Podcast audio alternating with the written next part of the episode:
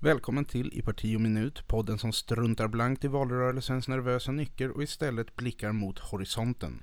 Jag heter Daniel Persson och är politisk redaktör på Svenska nyhetsbyrån. Den här podden är ett samarbete med Idagora och tanken är att vi ska samtala med den borgerliga opinionsbildningens framtidsnamn. Idag är jag med mig Noomi Abramovic. Noomi är förmodligen landets flitigaste ledarvikarie och har genom åren kunnat läsas i de allra flesta borgerliga dagstidningar av rang. Välkommen Noomi! Tack så mycket. Du gick skribentskolan 2012 Korrekt. och sedan dess har vi pratat om allt möjligt tillsammans. Och vi framförallt så har alla kunnat läsa dig i nästan i nästan alla borgerliga tidningar i Det har varit landet. svårt att slippa mig. Det har varit väldigt svårt. Och kul för alla, tänker jag. Ja, jag hoppas det. Eh, vi ska prata om antisemitism. Ja, Det har vi gjort väldigt många gånger, du och jag. ja. Du har skrivit om antisemitism väldigt många gånger. Det har jag gjort och innan jag ens började som ledarskribent så skrev jag om det på min dåvarande blogg. Så ja, skrivit om den här frågan länge.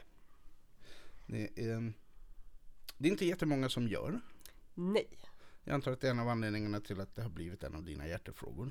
Ja, det är det. För att jag tycker att det är en fråga som inte får glömmas bort eller trivialiseras. Ehm, vilket är lätt hänt. För jag tror att det handlar om att judar ses som en, en privilegierad grupp ehm, som har höga positioner i samhället och då behöver man inte oroa sig lika mycket för den typen av antisemitism eller den typen av rasism som eh, andra typer av rasism.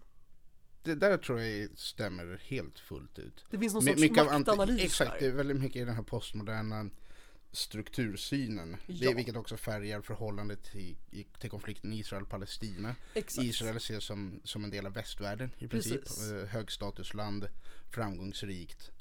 Eh, Sen och, tror jag och att det har- därför har fel. Ja, sen tror jag också att det har att göra med att mycket av debatten om rasism, främlingsfientlighet har handlat om hudfärg. Mm. Och judar i gemen är ju ljushylta, Mm. vilket gör att den här liksom vithetsnormen då, Absolut. det är inte liksom problemet som är i fokus, utan det handlar om andra frågor. Mm. Ehm, och då har det varit svårt att se antisemitism för, för det problem det är. Mhm. Också för att det är, en, det är en ganska känslig fråga. Ehm, för att en, en stor del av den antisemitism som, som finns idag kommer ju från en, en annan utsatt grupp, ehm, ofta muslimer från Mellanöstern. Mhm. Och det gör att den är svår för folk att prata om för att man vill inte ses som islamofob. eh, vilket jag tror att många är väldigt rädda för. Oh ja. Mycket- en del av det här går tillbaka till att vi har svårt i gemen för att, hålla, för att skilja på individer och population. Ja, Man, man kan se att en, man borde kunna se att en grupp är utsatt samtidigt som det finns förövare i den gruppen. ja. Eh, Men det har vi väldigt svårt för. Jag tror också att det handlar om att generellt ehm, rasism mellan olika utsatta grupper har man inte riktigt förstått sig på i Sverige.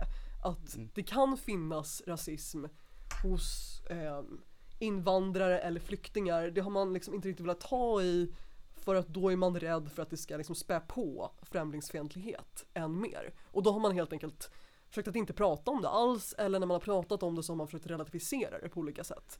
Eller ta upp andra förövare.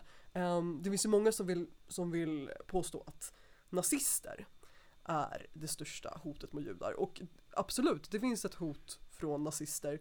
Men de är inte jättemånga. ehm, och jag skulle säga att det, De är väl väldigt skrämmande. Alltså vi, om man ser de här demonstrationstågen och de här manifestationerna där nazister tågar. Det är klart det är skrämmande ja, och oroväckande. ja. Men det är väldigt få judar som jag har pratat med som upplever dem som ett skrämmande inslag i vardagen. Exakt så, exakt så. Ehm, Det, det hotet, eller den just för att de är, rädslan de är kommer, få. från ett, kommer från ett annat håll. Det är Ja. framförallt människor från Mellanöstern. Det är det, så är det ju. Ehm, när jag åker till vissa delar av stan så funderar jag ju på, ska jag ta på mig min Davidsstjärna eller inte? Och jag är inte på något sätt rädd av mig. ehm, men jag resonerar ändå så för jag tycker det känns, ska jag ta den här eventuella risken? Är det värt det? Ehm, också som, som kvinna. Ehm, så, eh, ja, så, så tänker jag liksom ibland, man får, man får på något sätt göra någon sorts riskbedömning.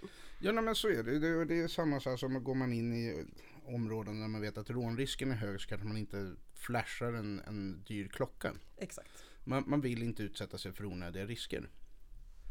Eh, så, så långt väldigt förståeligt. Om, och även om det är väldigt sorgligt naturligtvis. En sak som jag har funderat på, som jag har skrivit om ett par gånger de senaste åren, framförallt under den här regeringen, eh, det är att politikers förhållande till antisemitism är problematiskt. Alla i princip är väldigt duktiga på att fördöma antisemitism när det har inträffat någonting stort, ett dåd eller en profilerad misshandel eller vad som helst. Ja, det, något det, annat är ju egentligen politiskt ohållbart. Ja, det, man måste göra det. Men man Mm. gör det också, man är väldigt tydlig. Man är väldigt avståndstagande. Jag tror inte att det finns särskilt många antisemitiska politiker i Sveriges riksdag till exempel. Nej men det, tror inte jag heller. Eh, och man, man, man är väldigt tydlig med, med de här fördömandena. När man pratar till befolkningen i sin helhet, när man träffar judar, men inte när man möter de grupper som antisemitismen är som störst i. Då är det här inte en fråga som diskuteras. Nej. Det är lite av ett problem som angränsar till hyckleri. Ja, det håller jag med om. Dels tror jag att man är rädd för att anklagas för kollektiv skuldbeläggning. Mhm.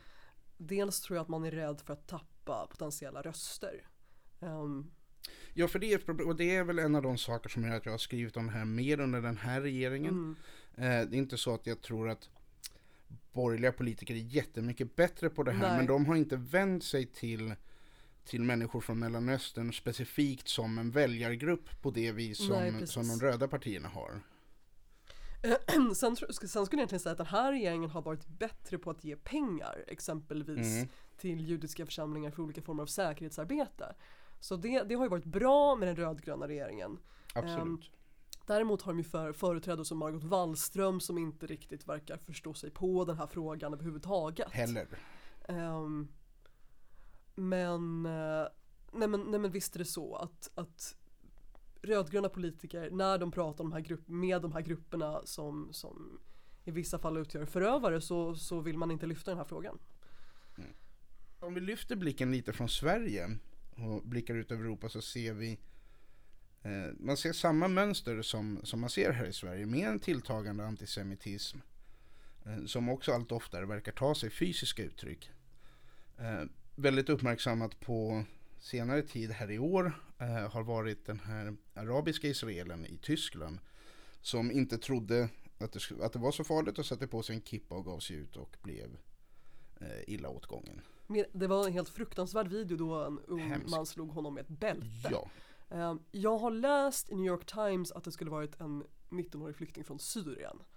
Ehm, mm, Och okej. jag har inte hört den uppgiften någon annanstans ifrån så jag är inte helt hundra på det. Men det var djupt skrämmande och ehm, jag tror också en ögonöppnare som att det här skedde i ett av Berlins hipsterkvarter där jag har bott i omgångar.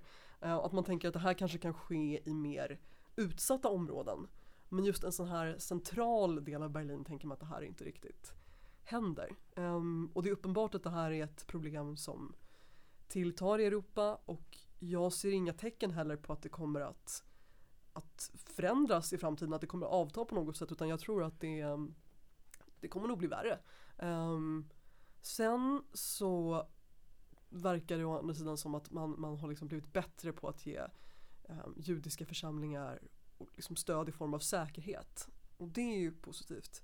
Men det är ju egentligen bara lindring av själva symptomen. Mm. Det är ju inte, det är inte så att man tar itu med grundorsaken. Och det är det som är det svåra också, hur tar man itu med grundorsaken? Att det finns människor som kommer från länder där antisemitism inte bara är vanligt utan det är närmast mainstream. Där Ja, det politiker är nå- använder på det här som många en sorts sorts håll så är det en form av statsreligion. Det är en. Det är statsreligion. något folk får med Det någon sig sorts från... sammanhållande, föds. exakt och det är någon sorts sammanhållande shit Ja. närmast i Mellanöstern som i väldigt många andra frågor är en extremt ehm, fragmenterad Mm. region där folk tillhör olika religioner, olika, olika eh, inriktningar inom islam. Um, så det jag tror, att, jag tror att det är svårt också att bara, för många pratar om olika informationsinsatser.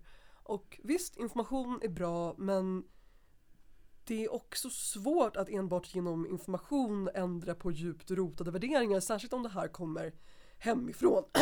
Ursäkta, om det här är någonting du hör Eh, ofta hemma, om du tittar på TV från länder där antisemitism inte är något konstigt överhuvudtaget så tror inte jag att det räcker med några informationsinsatser här och där eller bokprojekt eller Man måste väl inse att en broschyr kommer att ha begränsad verkan i ett sånt Exakt, fall. exakt. Och jag tror också att det handlar ju också om integration. Om du umgås med andra inom samma diaspora-grupp så är sannolikheten att de har liknande åsikter och du behöver därmed inte ändra dina egna åsikter för att bli socialt accepterad. Nej. Om det skulle finnas liksom större mått av integration och man skulle umgås med människor där här, de här åsikterna är liksom helt absurda.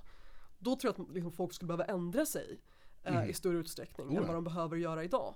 Så jag, jag, ibland också kan jag bli lite trött på alla de här Alltså jag förstår att människor vill visa solidaritet med judar och det är jag glad för. Men alla dessa kippavandringar och eh, hashtags och upprop. Jag vet inte om de har särskilt mycket effekt mer än att de ger en härlig känsla i magen för de som skriver under på dem och för de som tar på sig en kippa. Ehm, men det jag blir orolig för är att det kan bli nästan någon sorts avlatsbrev. Ehm, en ursäkt för politiker att inte behöva göra så mycket för att de gick ju det där kippatåget. Mm. Och man har ju haft kippa-manifestationer nu också i, i Berlin tror jag. Eh, efter, efter att det här skedde. Och liksom, ja men det är väl trevligt men vad spelar då det för roll egentligen? Eh, jag läste det kan ju inte en, stå i vägen för att ta itu med, med de faktiska problemen. Nej, jag läste om en, en uh, jude i, Berlin som kom ursprungligen från USA som sa att ja men det är väl trevligt att folk har på sig kippa men när, när det gäller så måste jag ju ändå ha på mig keps Mm. ovanpå min kippa även om trots den här Mm. solidaritetsmanifestationen så ehm, det är svårt att veta hur man ska liksom ändra på den här typen av problem därför skrev jag en artikel för några månader sedan om att om, i Expressen om att jag, jag vet inte om det är så mycket som, som man faktiskt kan göra. Förutom att man behöver å andra sidan inte ge eh, antisemitiska, eller organisationer som bjuder in antisemitiska talare behöver man inte ge statligt stöd, är ju en god början. Mycket bra början. Ehm, för det är ju många av de här organisationerna som gång på gång visar sig bjuda in antisemitiska talare. Eh, och så blir de alltid lika chockade när de får höra om det. Oj då, hade jag ingen aning om. Det är ganska lätt att bara göra en Google-sökning på någon och sen upptäcka Mhm. det här. Men jag tror också det är det det handlar om, att just eftersom att det är så pass vanligt ehm, så skulle jag snarare säga att det bland, bland olika ehm, profilerade talare eh, eller auktoriteter inom muslimska världen skulle jag nästan säga att det är ett undantag att, att inte eh, ha den här typen av åsikter. Absolut. Det, det måste vi ändå kunna slå fast utan några större kontroverser. Ja, precis. Det är tråkigt men, men så är det. Ja, så därför tror jag att det det helt enkelt det är svårt. Men ehm, det sticker ju lite i ögonen på, på, Så på en. Tror du att vi kan se någon förändring av det här inom, i, i en rimlig framtid? För jag, om man tittar på Mellanöstern så har det funnits ett slags maktekvilibrium som har rått där. Men där, där man har haft en depolaris, ganska depolariserad tillvaro som har hållits upp. Så all, det, har inte, det, har, det har varit ganska riskfritt för alla att vara emot Israel. Eh, men om vad vi ser efter Barack Obamas tid i Vita huset, för hans vision av Mellanöstern byggde ju på Iran som regional hegemonisk kraft. Eh, Och det här har ju skapat, tvingat fram nya koalitioner. Om vi ser Saudiarabien som aldrig har varit en stor vän av Israel. Deras kronprins har helt plötsligt börjat göra uttalanden till stöd för judars rätt att leva på, i sitt eget land låter ju inte så jättemärkvärdigt men för att komma från Saudiarabiskt håll ganska stort. Mm.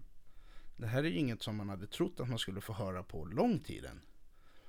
Och Israel har byggt relation, liksom stärkt sina relationer med många länder i närheten på senare år. Eh, Just därför att de här länderna behöver Israels hjälp för att hålla Iran i schack. Eh, Och jag menar på sikt så måste det här spela roll även för antisemitismen i de här länderna. Det är jag osäker på. Frågan är om de här ställningstaganden som handlar väldigt mycket om, eh, alltså Mellanöstern är ju en dog eat dog world. Ehm, min Måste fiendes, kan också ha varit ett starkt ord. Skulle kunna ha. eh, min fiendes fiende är min vän är ju det som gäller i den regionen så det handlar ju ganska mycket om, om vad man säger för att uppfattas som en, en okej samarbetspartner. Att, att Absolut. folket helt plötsligt ska anamma det här. Det tror jag att hoppas på för mycket. Absolut, men, men eh, ja, det, det, det, håller jag definitivt med om. Men det, det spelar ändå roll. Vad man säger från ledningshåll spelar roll, eh, framförallt över en längre tid. Är det så att man börjar normalisera relationerna till Israel så kommer det till slut att få, få betydelse även längre ner i skikten. Det återstår att se skulle jag vilja säga. Mm. Vi, får, vi får återkomma om tio år.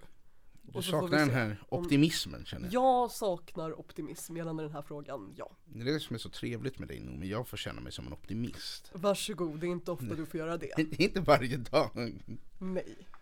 Du har ju skrivit väldigt mycket om antisemitism, eh, som jag sa förut. Vad- när du skriver om antisemitism, vad får du för svar då?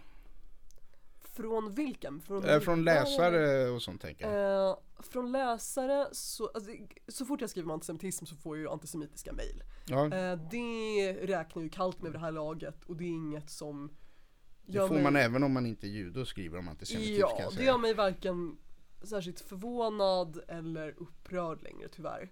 Eh, man blir liksom blasé efter ett Man tag. vänjer sig ganska snabbt Ja, faktiskt. vilket är ganska deprimerande i sig. Um, sen är det många som uppskattar att jag skriver om det, inte minst inom den judiska Mhm. gruppen. Ehm, för att jag tror att det kan finnas en farhåga bland judar att uppfattas som en jude som skriver om judefrågor. Mm. Ehm, men jag tycker den här frågan är för viktig för att, för att eh, låta bli att skriva om. Så det är därför jag gör det gång på gång. Också för att tyvärr är den ju ständigt aktuell. Det händer ju alltid det är flera gånger per år som det sker något form av eh, dåd i Europa. Eh, Oh ja. Antingen med väldigt tydliga antisemitiska förtecken eller ehm, någon sorts liksom, mindre incident jämförelsevis som också har eh, tydliga antisemitiska drag. Ehm, det, det är väldigt tråkigt att det har blivit det, det, det är en fråga som, som på det sättet är väldigt lätt att skriva om. Eh, det sker nästan alltid någonting nytt. Eh, också för just för att det här har varit en tidigare, jag, jag vet inte om jag uppfattat det i lika, lika stor utsträckning nu men det har närmast varit en höger-vänster-fråga. Vilket Mm. jag tycker har varit väldigt deprimerande. Att um, högern pratar om antisemitism, vänstern pratar om islamofobi. Mm. Jag tycker att jag har sett lite av ett skifte där de senaste åren. Att det finns även de inom vänstern som i större utsträckning pratar om antisemitism än vad de gjorde tidigare. Ja, man ser det här, mycket, mycket av den här uppdelningen verkar ju bero på vänsterns eh, anammande av poststrukturella, postmoderna Ja, eh, teorier. Ja, Eh, och där har vi sett en, en backlash på vänsterkanten, folk som inte ställer upp på det här längre, som har tröttnat på det här. ja. Eh, Identitetspolitik är ju inte lika trendigt riktigt där, som det det är ju inte det, det, det börjar ebba ut. För problemet med judar i det här sammanhanget är att de var väldigt svåra att sätta in i något sorts tydligt fack. Det, så är det ju. För Det, att, för att liksom vad är, vi, vi är ofta vita, inte alltid. Samtidigt finns det väldigt många judar som ser ut som att de kanske kommer från ett annat land, som på så sätt rasifieras. Samtidigt är det här en, en grupp som, som ofta är välbeställda, höga positioner i samhället. Så att göra någon sorts intersektionell analys här är inte helt okomplicerat. Det är väldigt jobbigt. det Ja, kan vara det därför är man har låtit jobbigt. bli och bara skrivit av er som vita människor. Ja men lite så. Och det, he- att, att, att ens utgå från liksom den här vithetsnormen när det gäller rasism i Sverige är ju ganska absurt med tanke på hur till exempel samer har varit en väldigt utsatt grupp där eh, den liksom dimensionen har inte varit relevant hur de, huruvida de är vita eller inte. Nej. Nej, nej så, så är det ju absolut. Eh, och hur, hur vi, bara snabbt på tal om det här klipper vi väl förmodligen bort. Mm. Men eh, Chris Rock, den amerikanska komikern, Ja, eh, hade ju ett skämt. Eh, ska försöka komma ihåg så jag får det rätt här. Eh, han hade en show och där skämtade han om, att, om eh, antisemitism bland svarta och varför det inte finns. ja. Därför att svarta helt enkelt inte tid att dela upp vita människor i subgrupper. det är väldigt roligt. Det, Ja. det, finns inte, det finns inte tid för Nej, sånt. nej, det kan man förstå. Det kan man förstå. Ehm, Men, och, och där har, alltså det finns ju en svårighet, eh, upplever jag åtminstone, vad- folk har svårt att klassificera antisemitism. Ja. Eh, på samma sätt, lite för att det är svårt, för att man har svårt att klassificera judendom och judar. Ja. Eh, också, de här går väl lite hand i hand. Eh, dels för att man vill inte själv vara rasist. Eh, och det, många gånger så verkar det som att folk upplever antisemitism som något rasbetingat. Vilket är en ganska märklig uppfattning. Eh, och det är också därför många, många verkar uppfatta det när man skriver om antisemitism som att man pratar om något rasbetingat. ja. Snarare än något kulturellt. Sen vilket väl ofta är det vi gör. Sen tror jag också att folk kan bli förvirrade för att, jag menar, vissa har ibland skrivit till mig, ja men de kan väl ta av sig kippan då? Ja men jag menar, oavsett om du är sekulär jude som inte varit i synagogan på flera år, om du äter fläsk och skaldjur varje dag, så ses du ju ändå som jude. Mhm. Det är inte som att, jag menar så diskriminerande är faktiskt inte rasisterna. Nej, Att de, att de ser skillnad. de är rätt toleranta på det viset. Ja, att det spelar ingen större roll om du är sekulär jude eller om du är ultraortodox. Sen så är det ju så att om du är ultraortodox så blir det väldigt uppenbart att du är jude. Rabbinen Schnur Kesselman i Malmö har ju fått uppleva vilka konsekvenser det kan innebära att gå klädd som en eh, ortodox, eller ultraortodox snarare, ultraortodox jude i Sverige eh, på 2010-talet. Jag menar, han har ju gått till polisen och anmält hatbrott så många gånger att han själv knappt kan räkna längre. Hur många det är. Ehm, och det är ju extremt sällan som någon blir fälld också för hatbrott. Men han har ju blivit expert på det här nu så han skriver ju upp registreringsnummer och eh, han vet precis hur man ska gå tillväga. Jag tror att det är, av alla, alla fall så var, det, så var det en gång som någon blev faktiskt dömd för det här. Ehm, man berättade för mig att han, eh, när vi träffades så var det bara några dagar tidigare som, som det hade skett att det var någon som eh, åkte förbi en bil när han hämtade ett av sina barn på skolan. Ehm, och hade pekat finger åt honom. Och det var en kvinna som gick i närheten och blev jättechockad. Och han, han har blivit så van vid det nu att han Mm. rycker knappt på axlarna vilket i sig är otroligt deprimerande. Ehm, Verkligen. han har ju behövt lägga hela sitt liv efter den här säkerhetssituationen som han har. Mm. Så ja, det... Jag, tror att, jag skulle säga att Malmö har ju, det, det är en helt annan dignitet än vad vi har i, i Stockholm och Göteborg när det gäller de problemen. Absolut. Det en, och det, det märker man väl när, alltså när man pratar med judar som bor i de här olika städerna. Att det Ja. är värre där. Ja, Eh, Det är, alltså det är mer, värre ska man kanske inte säga, men det, det är konstant. ja Där. också att det är ehm, det är mycket mer folk som rör sig från Mm. olika grupper skulle jag säga i, i centrala Precis. Malmö. Ja. Eh, snarare än, än vad det är i centrala Göteborg och Stockholm. Mm. Um, sen det som är ännu mer deprimerande att det är, det, är fort, det är en väldigt liten grupp judar som bor kvar i Malmö. De som är i församlingen är 400 pers. Och de måste ha en säkerhetsanställd på heltid. Mm. Det är sjukt. Det är helt bisarrt. De Ja. har fått göra väldigt stora satsningar för att kunna vara trygga. Ehm, Och så ändå blir folk förvånade när man, därför att det kommer ju titt som tätt tidningsartiklar av snittet nu flyttar folk, Europas judar flyttar till Israel. mm, Eh, och ibland får man känslan av att det är något slags svek inblandat i det här från de som flyttar. Ja, eh, det tyckte ju också Jan Guillou för några år sedan när han skrev om det här. Att han tyckte det var otacksamt av Ja. judar i Sverige att påstå att det finns antisemitism som gör att de lämnar landet. Hur Precis. kan man vara så otacksam efter vad Sverige, vad Sverige gjorde efter kriget? Eh, vilket är en väldigt bisarr tankegång. Mhm. Sen skulle jag säga att livet i Israel är ju inte enkelt. Det finns ju de som faktiskt väljer att flytta tillbaka till Europa. Mhm. Israel är inte ett eh, särskilt rikt land. Det är eh, ett av OECDs faktiskt fattigaste skulle jag säga. Mm. Eh, det finns ingen utbyggd välfärdsstat som vi är vana vid. Eh, det är det är ofta en, en lägre levnadsstandard än i Europa, det är lägre löner. Eh, att hitta bostad är allt annat än enkelt, det är ju väldigt många som trängs på väldigt, väldigt liten Mhm. yta. Um, och sen är det ju fantastiskt att Israel finns som alternativ, vilket vi firar nu i, att det har funnits i 70 år i år. Vilket är helt fantastiskt. Ehm, men många judar inkluderande mig vill ju bo i Europa. Det här, är Europa klart. är ju mitt hem. Ja. Sverige är mitt hem. Ja. Ehm, jag tänker aldrig flytta till, eller jag tänker, jag tänker inte flytta till Israel för att jag är rädd. I så fall tänker jag flytta till Israel för att jag vill flytta till Israel, Mm. inte för att ehm, Inte för att du inte vill bo i Malmö. Nej, precis så.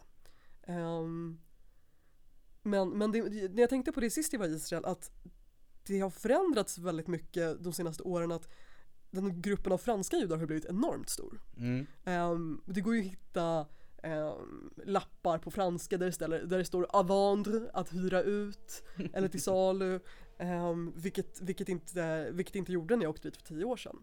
Nej. Så det syns ju verkligen att det har varit någon sorts demografiskt eh, skifte där. Mm. Ehm, Ja, och det har kommit på, på allra, alltså de senaste tre, tre, fyra åren tror jag. Ja. För när jag var där, är det fyra eller fem år sedan, nu minns jag knappt längre. Men då såg vi inte mycket, mycket av franska judar. De, de har växt väldigt kraftigt som grupp.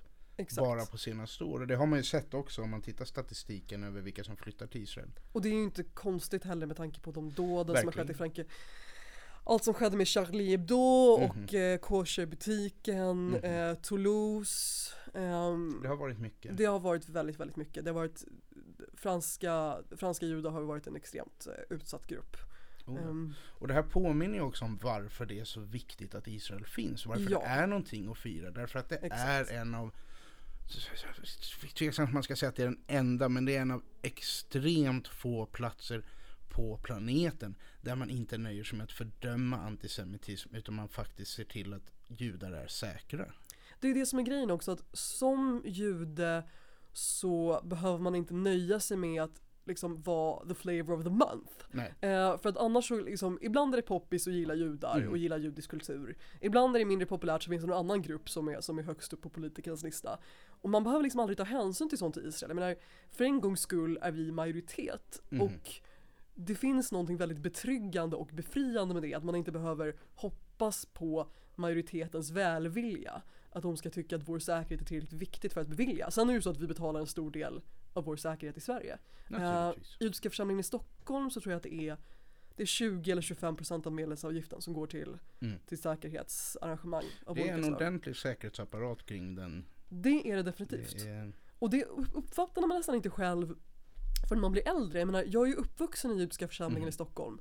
Och varenda söndag när jag skulle gå på religionsskolan när jag var liten så behövde jag passera genom två slussar där det sitter någon Mm. och tittar i, sitter i ett säkerhetsbås och tittar med kamera. Um, anledningen att man har de här två slussarna är att ingen ska kunna rusa in och skjuta folk. Mm. Eller knivhugga för den delen. Och när man är liten så fattar man inte varför. Man bara tar det för givet. Så här är det när man ska till församlingen. Det var först när jag fick det förklarat för mig varför det var så här i vuxen så ålder. här är det inte när man går i kyrkan. Nej, som jag såg det med andra ögon. Men svenska kyrkor behöver inte ha något säkerhetsansvar. Nej, de, står ju i princip öppna nästan hela tiden. Exakt, och vi har inte den lyxen. Nej. Ehm, vi behöver ha säkerhetsarrangemang så fort det är någon, någon större högtid eller en stor grupp judar samlas. Ehm, det märkte För mig är det tvärtom. Alltså jag är ju uppväxt i svenska kyrkor. Eh, det- Jag var inte, satt inte foten i, i en synagoga förrän i vuxen ålder. Eh, och det är i, i Stockholm. Och kom dit och så, oj, Mm. okej, jag förstår. Ja för oss är det här vardag så det är nästan när man Mm. ser det med någon annans ögon som man fattar. Men det här är ju inte normalt, det här är ju konstigt. Mm. Ehm, jag såg det när jag tänkte på, till exempel min man är, är icke-jude. Och han fick mig ju få upp ögonen för det här på något sätt. Han var ju inte van vid alla de här säkerhetskollarna. Nej, nej. Att någon kollar ens legitimation innan man går in på en gudstjänst. Eh, De tittar på en upp och ner, de är ju, de här säkerhetsvakterna är ju liksom tränade för att se Mhm. vilka man kan släppa in och vilka man inte kan släppa in. Ehm, och det har blivit så normaliserat för svenska judar så jag tror nästan att det finns en risk att man att man blir för van. Jo, man, har- man har vant sig, man har lagt det som en, som en normaliserad nivå. Ja, det är- det är en- det är en Det här är förutsättning. en rimlig vardag. Exakt, det är en förutsättning för judiskt liv på något Mm. sätt i Europa att det finns skyddsglas och att det finns säkerhetsvakter. Och även om Israel eh, inte saknar sina säkerhetsproblem så finns det ändå någonting väldigt befriande med att kunna gå runt på en gata i Tel Aviv och ha på sig en Davidsstjärna, Magen Mhm. David och inte liksom behöva bry sig. Det behöver inte vara ett politiskt statement att jag har det. Det behöver inte Nej. vara så att jag har på mig den här trots Mhm. att det kan föra med sig problem för mig. Utan jag har bara på mig den som en, som en helt vanlig vanlig symbol som någon annan har på sig ett kors runt halsen i Sverige. Eh, och det är någonting väldigt, väldigt skönt och avslappnande med det. Att inte känna att man behöver vara på sin vakt. För jag tror att det är någonting som ganska många svenska judar uppfattar och särskilt om de bor i till exempel Malmö att, att det, är en, det är en säkerhetsrisk att ha på sig någon form av, av judisk symbol. Jag blir alltid glad när jag ser judar i Stockholm som har Magen David eller som har kippa så känner jag bra, bra, vi visar att vi finns. Men det, det finns väl en paradox i det här. för om man tittar på i Israel så kan du gå runt med alla dina judiska attribut. Alla kan göra det och på något sätt så blir du mindre judisk där, för du, du kan vara bara dig själv. Du behöver inte vara jude, du kan vara nomi. Exakt, exakt. Det är ju det som nästan blir lite chocken där när man kommer dit och så är man, här är ju jag rena rama Svensson. Jag har Ja. ett av de mest judiska namnen man kan föreställa sig. Mörkt lockigt hår, eh, kritvit hy. Ja, jag ser ut som ungefär åtta miljoner andra personer. Ehm, det finns något skönt i det och det finns också någonting lite, eh, man, man blir lite perplex närmast. För här är det så vanligt Folk frågar mig väldigt ofta, var kommer jag ifrån någonstans? Vilket jag absolut inte tar illa upp om, jag förstår ju det. Jag har ju ett konstigt namn, eh, jag ser inte svensk ut. Ja, Du ser väldigt judisk ut. jag ser väldigt judisk ut. Eller fast det är väldigt sällan som folk gissar det. Folk brukar tro att jag kommer från mellanöstern och sen. iranier tror att jag är från Iran, någon gång har trott att jag är libanes, kurd, turk. Ja, nu skulle jag, jag skulle kunna tänka mig libanes som min andra gissning. Ja, de, de förstår att jag är icke-svensk, de fattar inte riktigt vad, vad det är med mig. Ehm, och där ser man bara samma sak när jag är i New York. Då är jag också, det är som, jag är liksom Anna Svensson där. Mhm. Ehm, skönt och lite tråkigt på samma gång. Ja, man vant sig vid att vara ett exotiskt inslag så Mm.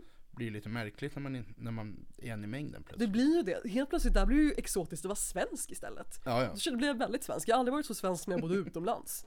Då dansade jag runt en midsommarstång och firade Lucia och gud vet vad. Det har ej skett sedan dess kan jag säga.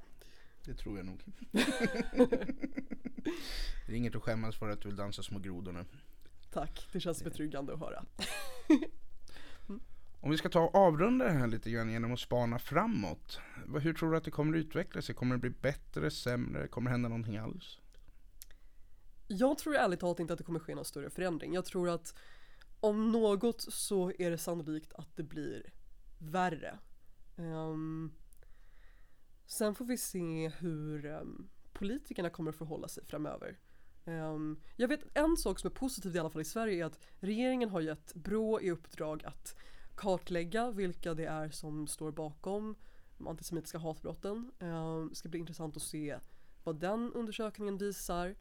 Det var ju ganska länge sedan, Forum, Forum för levande historia gjorde en attitydundersökning för nära tio år sedan tror jag att det var nu. Mm. ehm, om antisemitiska attityder bland ungdomar. Jag tror att det vore bra att göra något liknande på nytt för att ha svart på vitt ehm, vilka det är som hyser antisemitiska attityder och ehm, hur man ska liksom försöka angripa det här. Sen tror jag att också att det är väldigt svårt att angripa som vi har pratat om tidigare men jag tror ändå att det är bra om det finns mer fakta kring det här problemet. Um, så ja, inga, inga jättestora förändringar. Vi får bara hoppas att det inte blir så mycket värre. Det där var allt vi hade för den här gången. Tack så hemskt mycket Nomi för att du kom hit och pratade med oss. Och tack till alla er andra för att ni har lyssnat. Nästa gång kommer Erik Duselius hit för att prata med oss om vad som händer i den stora, vida världen. Vi ses då.